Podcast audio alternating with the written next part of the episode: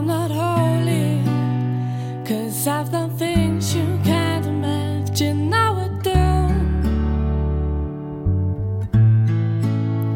And I'm no good girl, even though I wish that I could be.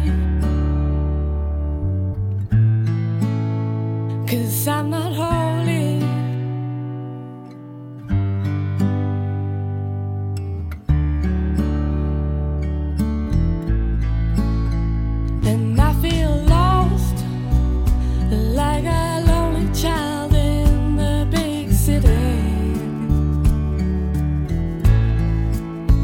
And I feel helpless, cause I've got no.